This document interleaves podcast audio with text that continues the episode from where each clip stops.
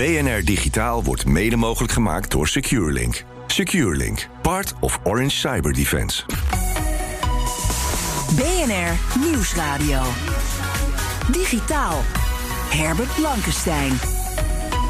Welkom bij BNR Digitaal. Straks gaan we het hebben over hoe een game onbedoeld het gedrag van mensen tijdens een virusuitbraak inzichtelijk maakte.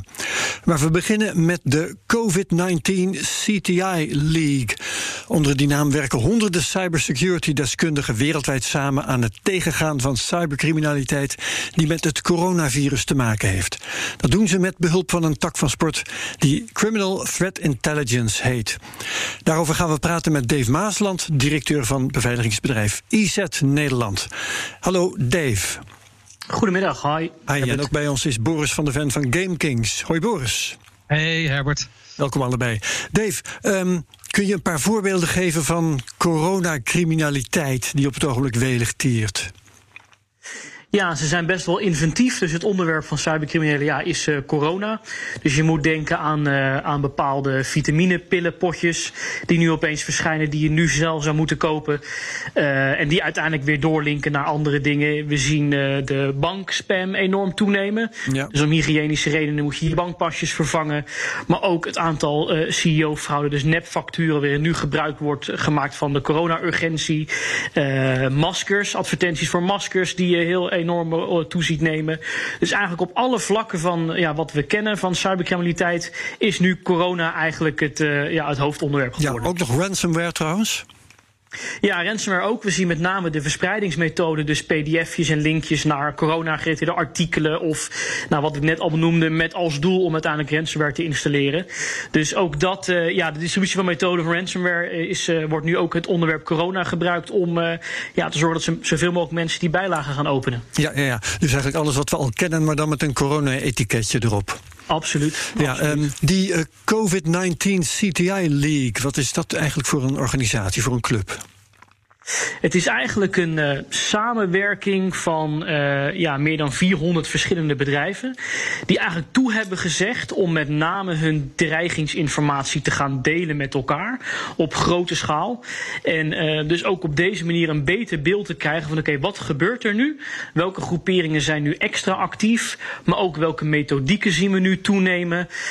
dus je, je ziet dat deze mensen eigenlijk bezig zijn om zoveel mogelijk informatie te delen, maar wel met een gezamenlijk doel, namelijk het opsporen van corona-gerelateerde misdaad en proberen die te uh, ja, disrupten. De disruptie zorgen dat, het niet, dat ze niet succesvol zijn. Dat is eigenlijk het specifieke doel van deze COVID-leak. Ja, en ik heb daar meer over gehoord dat um, in, de, in de security business dat bedrijven tegen elkaar zeiden: ja, we zouden eigenlijk meer moeten samenwerken, hè, data delen en op die manier ja.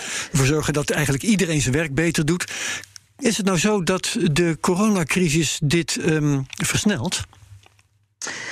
Ja, dat is toch wel bijzonder. Uh, natuurlijk wordt er samengewerkt, ook een hoop achter de schermen op verzoek vaak. En ook vaak op regie van bijvoorbeeld politie, FBI, Europol, van die grote coördinerende instanties die ook zeggen, nou we zijn op zoek naar informatie over deze groep of wat dan ook. Dus het is best wel passief vanuit de security-industrie zelf. Wat je nu ziet is eigenlijk het omgekeerde.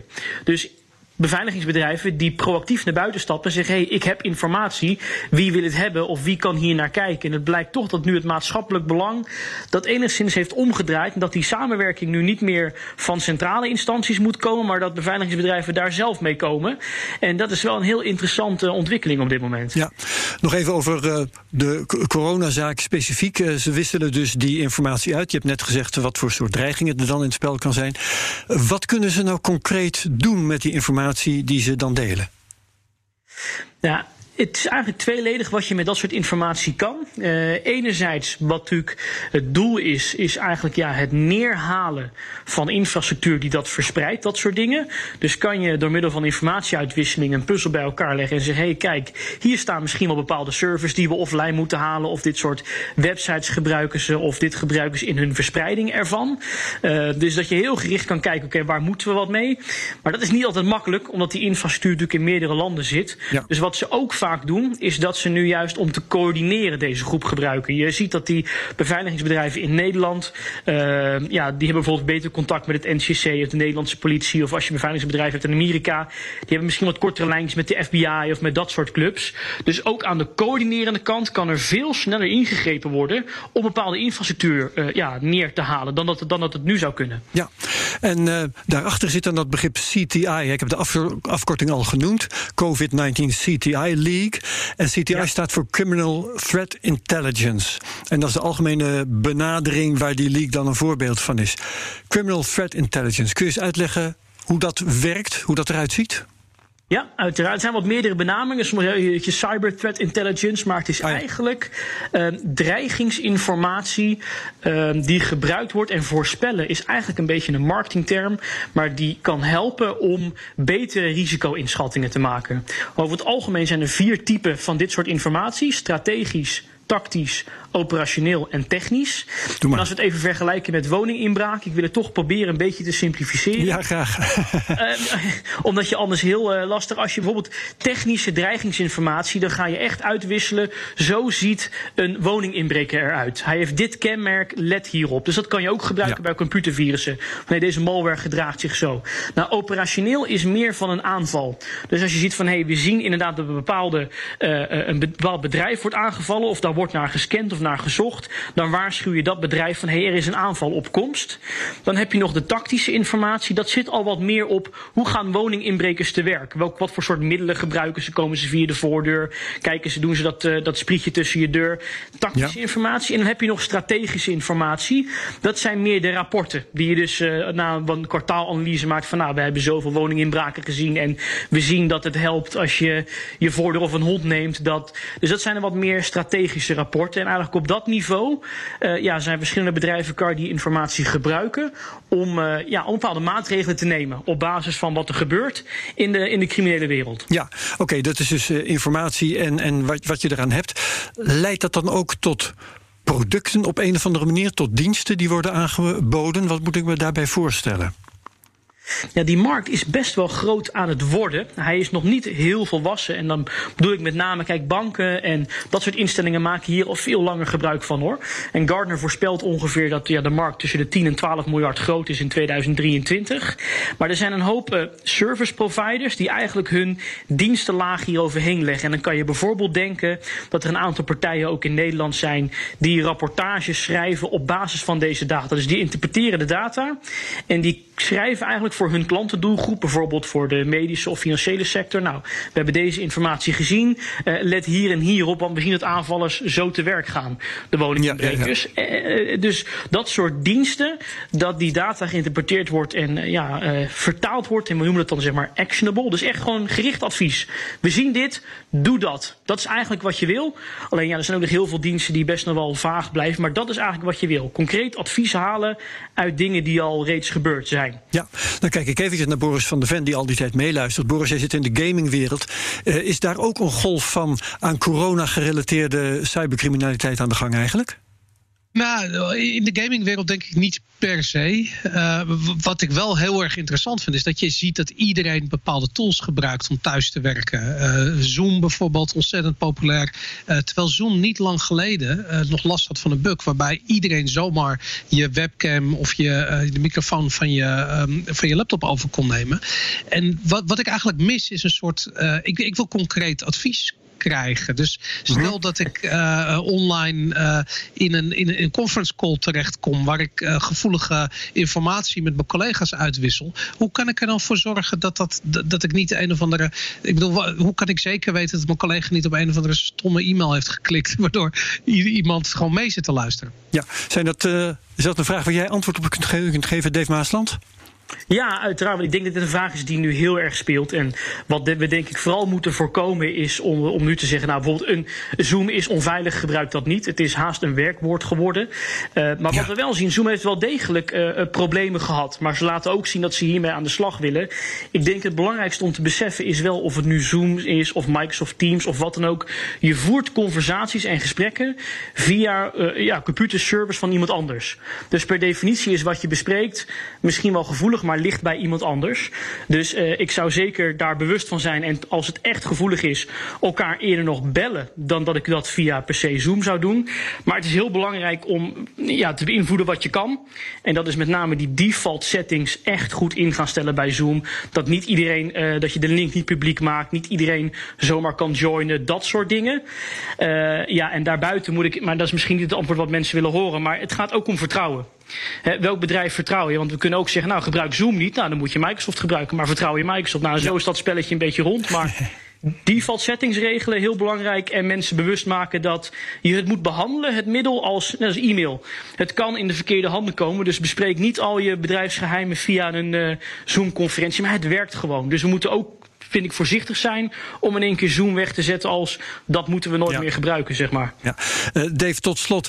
Um, Bedrijven werken dus samen in die cyber threat intelligence. Ja, um, ja dat is heel fijn, want uh, nou ja, het is duidelijk wat, wat uh, je daarvoor vruchten van kan plukken. Betere, betere gegevens, beter voorzien van, van dreigingen. Maar um, ja, het lijkt ook een beetje op een kartel op deze manier. Uh, is, er op, is er op deze manier nog sprake van serieuze concurrentie onderling?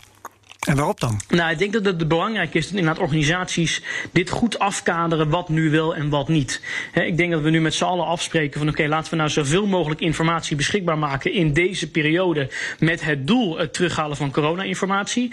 Dat wil niet zeggen dat dat heel uh, threat intelligence geen ander doel meer dient. En ik wil daar ook even bij zeggen dat dit kan heel nuttig zijn, maar dit is alleen voor organisaties die hier al echt ja, geschikt wat volwassener al zijn op het gebied van informatiebeveiliging. Dus ik denk dat het nog steeds ruimte is voor concurrentie, zeker het type dienstverlening en als het allemaal weer voorbij is.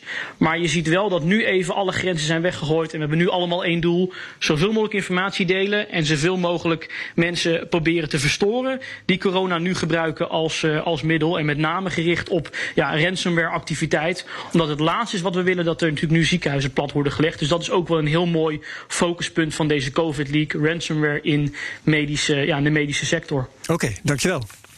Herbert Blankenstein. Spreek met uh, Boris van der Ven van GameKings en Dave, Maasland van ESET.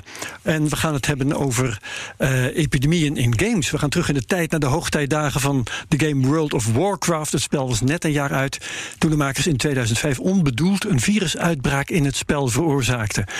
Het toeval gaf het, een, uh, gaf het een epidemioloog, door toeval gaf het een epidemioloog interessante inzichten in hoe mensen zich in zo'nzelfde situatie, maar dan in de echte wereld, zouden kunnen gedragen.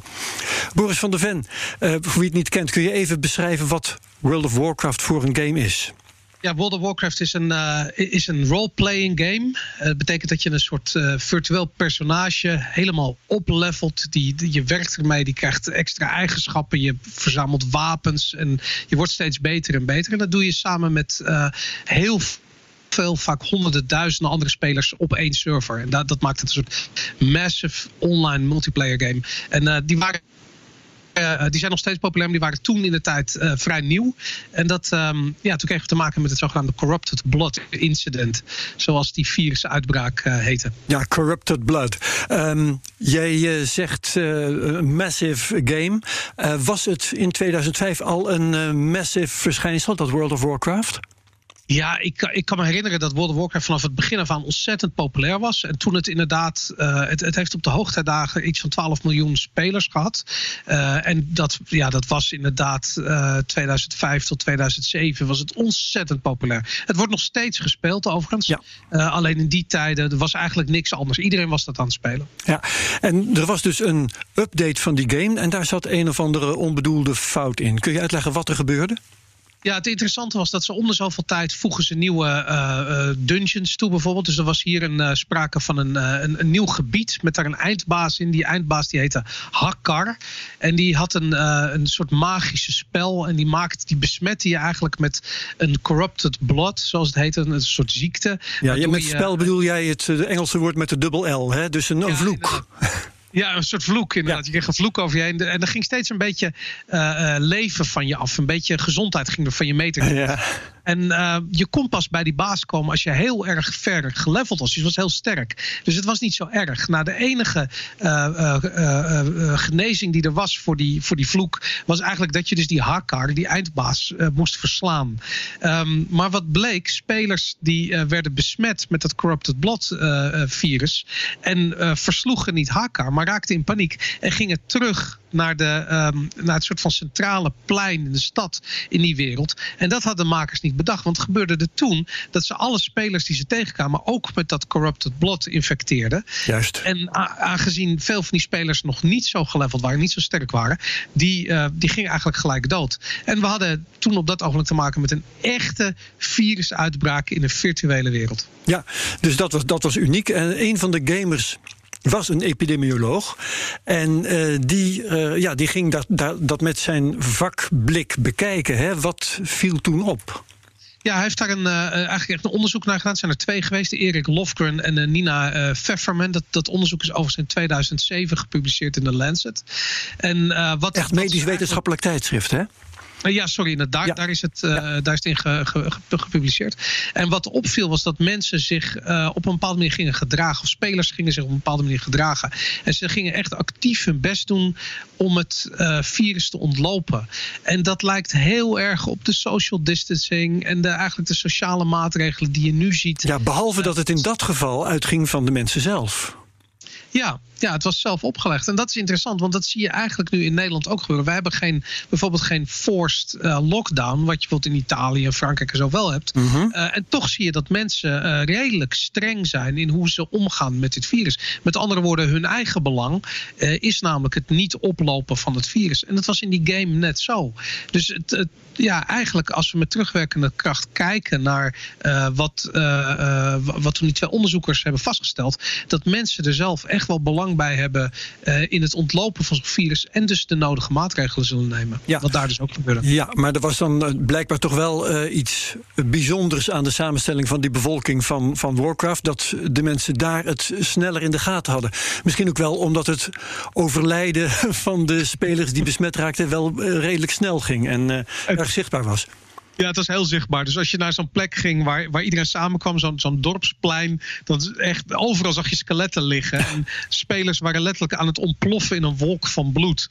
Ja. Dus dat zag er heel spectaculair uit. Op zich waren de gevolgen niet zo groot, want als speler uh, spawn je dan opnieuw op een begraafplaats en loop je terug naar de plek waar je doodging en dan pak je de spullen weer op die je had. Dus uh, ja, je, je kon gewoon opnieuw uh, respawnen. Maar dat ja. um, toch nam het, niet, nam het niet weg dat er wel degelijk een soort van sociale sociale, um, ja, soort, soort sociale effecten waren die heel interessant waren. Ja, en, en men, de dood was dus uh, niet zo onherstelbaar als hij in het werkelijke leven is. Maar mensen waren er toch bang genoeg voor om die ziekte te willen ontlopen. Ja, inderdaad. Vooral veel beginnende spelers. En uh, ja, wat je zag is dat de, uh, de, de, de wat betere spelers die lochten gewoon uit. Die hadden zoiets van, nou, dit is een bug, ik kom alweer terug als het weer werkt. Um, maar, maar toch, inderdaad, het feit dat mensen weggingen van, het, uh, van de bevolking, toch de game wilden spelen, alleen niet ziek wilden worden en de hele tijd overnieuw moeten spawnen. Dan gingen ze de bossen in, dan gingen ze een beetje hun eigen ding doen. En dat is. in zelfisolatie. Ja, ja, die zelfisolatie die je nu ook ziet, die, die gebeurde in die game ook heel interessant. Ja, en um, wat, ik, wat ik tegenkwam toen ik eh, hierover las, uh, ook meer randverschijnselen traden op. Um, bijvoorbeeld ramptoerisme. En uh, ik begreep dat er ook één of meer personen waren die gingen dan als een soort profeet op een centrale plaats staan oreren. En nou ja, ik zal maar zeggen, onzin uitkramen. Ja, nou, kijk, dat, dit soort omstandigheden, vooral uh, doordat het uh, ontzettend veel chaos oplevert, is ook gewoon als spel heel erg leuk. Dus mensen, er was wat aan de hand. Het, het had nieuwswaarde. Ja. Dus iedereen wilde in die game zijn om daar, daar onderdeel van te zijn. Want iedereen snapte van ja, hier wordt geschiedenis geschreven. Dus dat was, dat was eventjes heel leuk. Ik geloof dat de hele bug uh, maar een paar dagen geduurd heeft. Toen was het alweer gefixt. Maar toch interessant, omdat, kijk, als het echt een bug was in een game, dan, zou je, dan breng je een patch uit. En dit was echt, het had een sociaal effect. En het was lastig om dat weer om te keren. Het was lastig om dat virus weer uit te schakelen.